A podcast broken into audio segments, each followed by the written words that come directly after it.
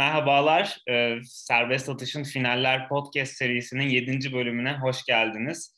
Ee, bu bölümde e, Fransa Açık'ta e, tek erkekler ve tek kadınlar finallerini konuşacağız. Tek erkeklerde Nadal, e, Fransa Açık'taki 14.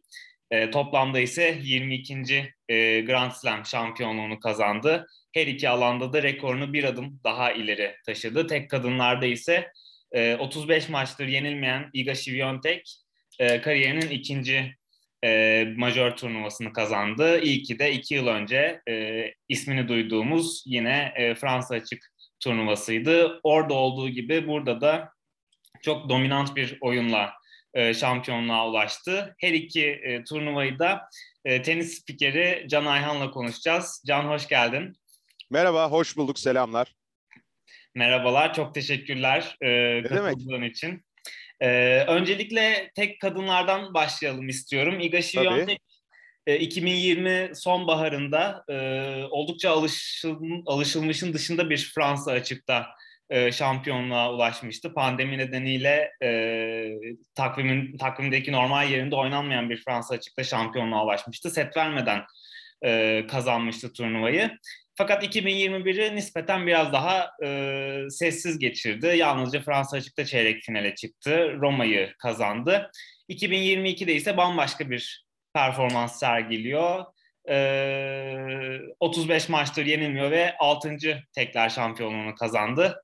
E, sen nasıl takip ettin Iga Świątek'in şampiyonluk yolunu?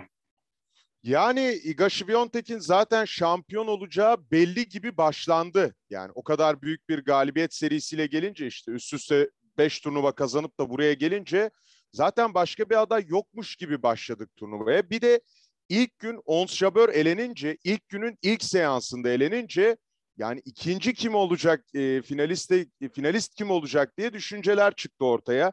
İşte Benčić olabilir mi? Biraz ona bakalım. Başka kim sürpriz yapabilir diye düşünürken e, Coco Gauff çıktı ortaya ve set kaybetmeden finale geldi. Yani bunun da altını çizmek lazım. E, geçen sene işte Venus Williams'ı Wimbledon'da geçince e, geçtiğimiz senelerde daha doğrusu çıkışını yaptı. Evet zaten böyle genç sporcular 18'ine 19'una geldikleri zaman evvelden patlama yaptıklarında belli bir tecrübeyle 18'inde olmuş oluyorlar. E Şiviyontek için de aynı şey geçerli. 21'ine yeni bastı. E, Fransa açık sürecinde bastı. Ee, ama öncesinde de bir tecrübesi vardı zaten. Çok genç yaşta edindi. O yüzden yeni jenerasyonun iki sporcusu beraber kapışıyor oldular ama finalden önce de baskı Şibiyontek'in üstündeydi. Çünkü kazanması beklenen sporcu oydu. Goff biraz daha deneme usulü hani ilk final e, Fransa açıkta bir kendimi göreyim şeklinde oraya geldi belki de. Kendisi de zaten hani bu şekilde ifade ediyordu. Çok bir şey değiştirir mi hayatımda bilmiyorum vesaire gibi e, sözler de etmişti. E, finalde de beklenen oldu açıkçası. Şibiyontek kazandı. Yine finalle ilgili detaylı konuşuruz ama ilk izlenimlerim bunlar. E, yani beklenen oldu açıkçası. Çok büyük bir sürpriz olmadı kadınlar tarafında. Evet aynen öyle. Senin de dediğin gibi toprak kort sezonunu en iyi geçiren tenisçi belki de Ons Jabeur. E, toprak kortta bu sezon en fazla maç kazanan tenisçiydi Fransa açığa gelinirken. ilk gün e, hepimizi sürpriz olacak bir şekilde turnuvaya e, veda etti.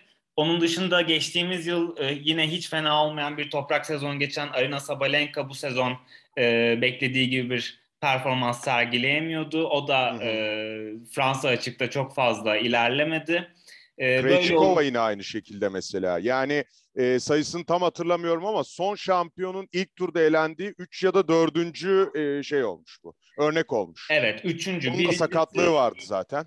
Evet, birincisi 2005'te Anastasia Miskina'ydı. İkincisi 2018'de Yelena Ostapenko'ydu. Üçüncü de e, bu sezon e, şey oldu. E, Krejcikova. E, evet, Barbara, Barbara Krejcikova oldu. E, tabii Coco Gauff senin de dediğin gibi e, çok genç yaşta tanıdığımız bir raket. Wimbledon'da e, dördüncü tur oynadığı 2010 e, 2010 e, kaçtı? 2019'dan e, beri takip ediyoruz. Orada evet. Venus Williams'ı elemişti. Burada da hem teklerde hem çiftlerde final oynadı ve geçtiğimiz Hı-hı. yıl Barbara Krejcikova'nın yaptığının bir benzerini yaptı. Yani e, Coco Gauff'la ilgili önümüzdeki yıllar için kesinlikle bir slam şampiyonluğu yazmak lazım. Zaten bunu söyleyince hani malumun ilanı gibi bir şey bu. Herkes bekliyor bunu. E, güzel bir tecrübe oldu açıkçası Goff için ama yani finalde iki tarafın farklılığı çok belliydi. Bir kere e, en başta merak edilen konu şu. Şviyontek puanlarda dominantlığını gösterecek, kontrolü eline alacak Goff buna nasıl karşı çıkacak? Özellikle forehand kanadında. Asıl soru buydu ki maçın da gidişatını bu belirledi belki de. Şviyontek her seferinde forehandine yüklendiğinde Goff e, sürekli hatalar yapmaya başladı. Aslında erkekler e, tarafında da benzer bir durumu gördük. Favori dominantlığını gösterdiğinde diğer tarafın kırılganlığı ortaya çıktı ve bu şekilde de sürpriz yaşanmamış oldu. Yani Goff özellikle maçın başında backhand kanadından çok fazla winner üretti. Kendisini orada tatmin edecek özellikle onu maça dahil edecek vuruşları backhand kanadında buldu.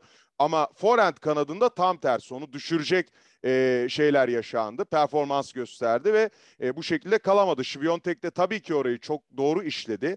Yani bu tarz bir favorinin e, kesinlikle işte finalde dominantlığını hissettireceğini tahmin ettiğiniz senaryolarda diğer tarafın çok ekstra işler yapması gerekiyor ve bu pozisyonlarda işte basit hatalara hiç yer yok. Özellikle favori olan sporcu maça direkt olarak girdiği için bunu Rafa Nadal örneğinde de konuşabiliriz erkekler tarafında. Diğer e, sporcu hatalar yapmaya başladığı anda zaten direkt olarak maçtan kopmuş oluyor. Ve e, buralarda şöyle de bir durum var. Hem Nadal hem de Şiviyontek bir set öne geçtikten sonra bu e, set üstünlüğünü çok iyi korumayı bilen sporcular. Ee, öyle de olunca hem ya Şiviyontek genç yaşta ama büyük bir tecrübe de sahibi oldu. Özellikle bu sezonda yakaladığı dominantlıkla beraber. O yüzden bir set e, geriye düştükten sonra işler iyice zordu. Gerçi Goff ikinci setin başında biraz e, böyle bir üstündeki ölü toprağı atar gibi olsa da yani yine de kontrolün kimde olduğu belliydi. E, iki finalde de benzer örnekler gördük. Yani Ruth da ikinci sette servis kırdı mesela konuşuruz yine. Ama o dönemde de Rafael Nadal maçtan hiç kopmuş gibi gözükmüyordu. Şiviyontek de kadınlar finalinde aynı şekilde ve e, ikisi de hiç problem yaşamadan e, gayet beklenen şekilde de kupaya uzandılar. Büyük bir sürpriz olmadı. Ha bu izleyenler açısından e, keyif olarak bir şeyler götürdü mü bunu da ayrıca konuşuruz tabii ki. Evet kesinlikle. Ya aslında e, tam da dediğin gibi e, Goff da e, hani Kasper Ruud da ikinci setin başında biraz hareketlenme gösterseler de Iga Świątek de Rafael Nadal da bunlara nasıl reaksiyon vereceklerini çok iyi bilen raketler. Mesela yani e, Iga Świątek e, hiçbir zaman e, oyunun kontrolünü e, elinden bırakır gibi olmadı. Rakibinin ilk servisinde yüz, e, ilk servisindeki puanların %54'ünü kazandı. Yani Gauff kendi ilk servisinde sadece yüzde 46 ile e, puan kazanabildi. Korkunç bir oran. E, böylelikle de hani e, Iga Świątek gerçekten çok dominant bir e, performansla e, finali kazandı ve kariyerin ikinci şampiyonluğunu elde etti. Bir de Iga Świątek'i bundan önce yani e, kendisini tanıdığımız e, nispeten kısa süre içerisinde daha çok toprakta gördük. İşte e, geçen sene Roma e, Roma'yı kazanmıştı. Ee, ondan önce kariyerin ilk finali de yine e, İsviçre'de toprak korttaydı. İlk Grand Slam şampiyonluğu yine Fransa açıktaydı. Bu sene ama biraz daha e, çok e, zemin e, çok zeminli bir oyun oynadığını hmm. görüyoruz. Örneğin e, Indian Wells'te ve Miami'de sert kort şampiyonlukları kazandı. Katar daha keza bunların hepsi WTA 1000 turnuvaları. Ee, yani dominasyonunu e, çeşitlendirmeye başladığında görüyoruz bir yandan Şiviyontek'in. Son mağlubiyetini zaten ocağın sonunda aldı. Ostapenko'ya karşı aldı. O dönemde Ostapenko bir ritim yakalamıştı yani maçlarında. Korkulacak seviyede bir oyuncuydu. E, vuruşlarına gittiği zaman da önünde duramayacağınız tipte bir oyuncu aslında. Ostapenko onu da Fransa açıktan biliyoruz zaten bu performansını. E, son mağlubiyeti de ona karşı geldi. Ondan sonra birçok sporcuyu mağlup etti. İşte Billie Jean King Cup'ta da mesela e, hiçbir sıkıntı yaşamadan devam etti. Sadece WTA turnuvalarında değil. E, o yüzden beklenen bir şeydi ve şu anda turnuva bittikten sonra iki numaraya Kontaveit yerleşti. Kontaveit'in iki katı neredeyse puanı var. Hatta iki katından biraz daha fazla puanı var. Yani bu da WTA turda yarattığı dominantlığı, e, tek başlılığı bize net bir şekilde ifade ediyor. Kim karşısına çıkabilir? Yani eski gençler Wimbledon şampiyonu aynı zamanda. Şimdi Wimbledon'a doğru da gidiyoruz. Biraz böyle ara vermek istediğini söylemiş, biraz dinlenmek istediğini söylemiş ama bu dominantlığı kim bitirebilir bu seriyi bilmiyorum. O da bir noktada maçın biti yani bu serinin biteceğini e, tahmin ettiğini söylüyor zaten. Biri gelip beni yenecek diyor. E, bu konuya da çok kafasını takacağını düşünmüyorum açıkçası. Çünkü sürekli işte kitaplar okuyan, kişisel gelişimi önem veren, oyunun mental tarafını e, geliştirmek için genç yaşına rağmen çok ciddi çalışmalar da yapan kort dışında bir sporcu. Bunu özellikle ikinci setin başında da net bir şekilde görebiliyorsun. Goff servisi kırdıktan sonra da herhangi bir moral bozukluğu bir şey yok ve ee, yine kupa yoluna baktığımızda ben mesela Jank maçını anlatma fırsatı bulmuştum. Onun ilk seti dışında bir önceki maçında Kovinic maçında da belki biraz biraz söyleyebiliriz ama bozulduğu bir an yok Şibiyontek. Ee, Jank maçında da 1-2 oyunda sadece basit hatalar geldi ama onun dışında komple bir maçta bir rakibi de sakatlandı. Belki orada bir sıkıntı yaşayabilirdi. Ama bu performansıyla her türlü zorluğun üstesinden gelebileceğini sana düşündüren bir e, oyunu var. Yani Nadal için de zorlayıcı koşullar oldu. Ama bu iki sporcuyu da maçtan kopartacak büyük zorluklardan bahsedemiyoruz. Açıkçası. Evet kesinlikle haklısın ki Şiviyontek'in bu sene mağlup ettiği isimlere baktığımızda da hep kendi branşlarının en e, en üst seviye oyuncularını görüyoruz. Mesela bir süredir kortlardan uzak olmasına rağmen Naomi Osaka'yı sert korttaki turnenin iyi sert kort oyuncularından biri Osaka mağlup etti Miami finalinde. E, Roma'da yine Ons Jabber'ı mağlup etti. Biraz önce demiştik evet. e, toprağın... Ve dört oyun bıraktı sadece. Yalnızca evet. Her iki maçta da yani Osaka'ya karşı da sadece dört oyun bıraktı. Ee, şimdi tabii dediğin gibi e, çim kort sezonu geliyor. Ee, bundan sonra işte çim kortu geçtikten sonra e, biraz e, salon turnuvaları da başlayacak. Mesela Anet Kontaveit e, geçen yıl çok önemli bir e, salon serisi yakalamıştı. İç kortta yenilmiyordu neredeyse. Kapalı kortta diyeyim daha doğrusu. E, tabii senin de dediğin gibi Şiviyontek'in serisi bir noktada sona erecek. Sona erdiren kişi de e, bir sürü üzerine konuşacağımız e, birisi olacak muhtemelen ama e, yine de şu an bunu izlemek e, çok keyifli. Evet. Kontavet'le ilgili de bu arada ufak bir şey söyleyeyim. Ee, Rus koçu vardı Dimitri Tursunov o da eski tenisçi. Onunla da savaş sebebiyle yaşanılan vize problemlerinden dolayı e, bir ayrılma yaşamışlar. Yani iki numaranın da koçla ilgili bir ritim bulma sürecini izleyeceğiz belki ilerleyen günlerde. Yani kim karşısına çıkabilir gerçekten e, şu anda net bir isim söylemek mümkün değil. E, biraz da turnuva içi aksiyonlar belki belirleyecek Şiviyontek'in ilk maç kaybını bundan sonra. Evet gerçekten öyle. İstersen tek erkekler tarafına geçelim şimdi de.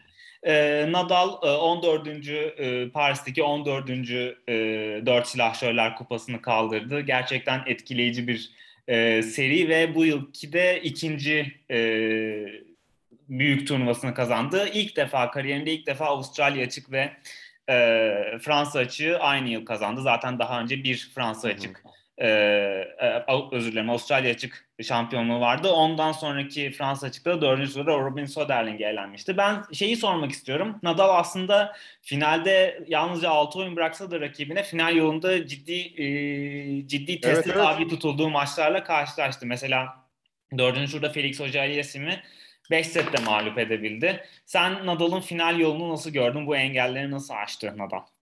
Şimdi Nadal e, öncesinde Roma'da Shapovalov'la oynadı ve o maçta mağlup oldu. Çünkü ayağındaki sakatlık sebebiyle.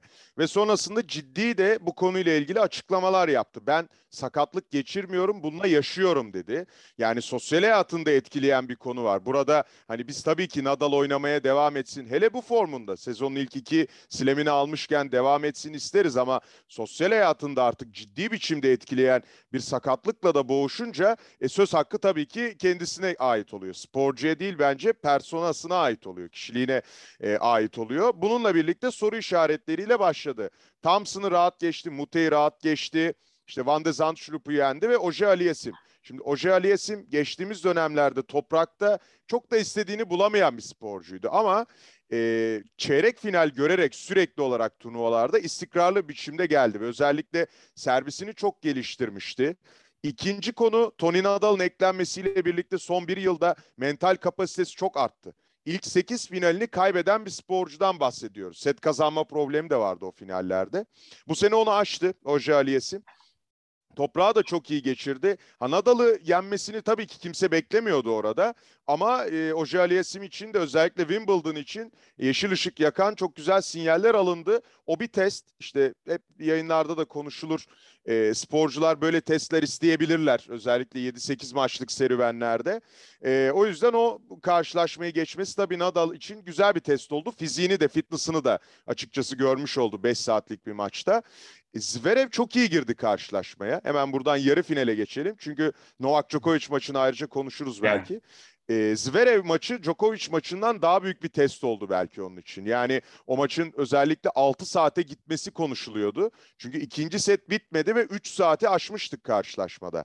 Nadal'ın özellikle önceki maçlarını da üst üste koyduğumuzda bir problem yaratabilir. Artı Zverev'in gençliği var ve ritim tutmuş bir Zverev var. Tablonun alt tarafından da ne Alcaraz ne Djokovic gelebileceği için o taraf biraz daha e, görüş olarak ne diyeyim kuvvetsiz sporcuların belki o seviyedeki yukarıdaki sporcuların seviyesine göre kuvvetsiz isimlerden oluştuğu için kan kokusunu almış da bir Zverev vardı. İlk slam şampiyonluğunu arayan bir sporcu olarak. Tabii çok tatsız bir sakatlık yani ve o karşılaşmayı da bu şekilde geçmiş oldu Rafael Nadal. Devam etseydi Zverev yenebilir miydi? Yani çok emin değilim ama 5 sete gidebilirdi karşılaşma. Yüksek oranda ve karar setinde ne olacağını o ufak farklılıklar belli edebilirdi. Derin bir nefes almış olmalı belki Nadal.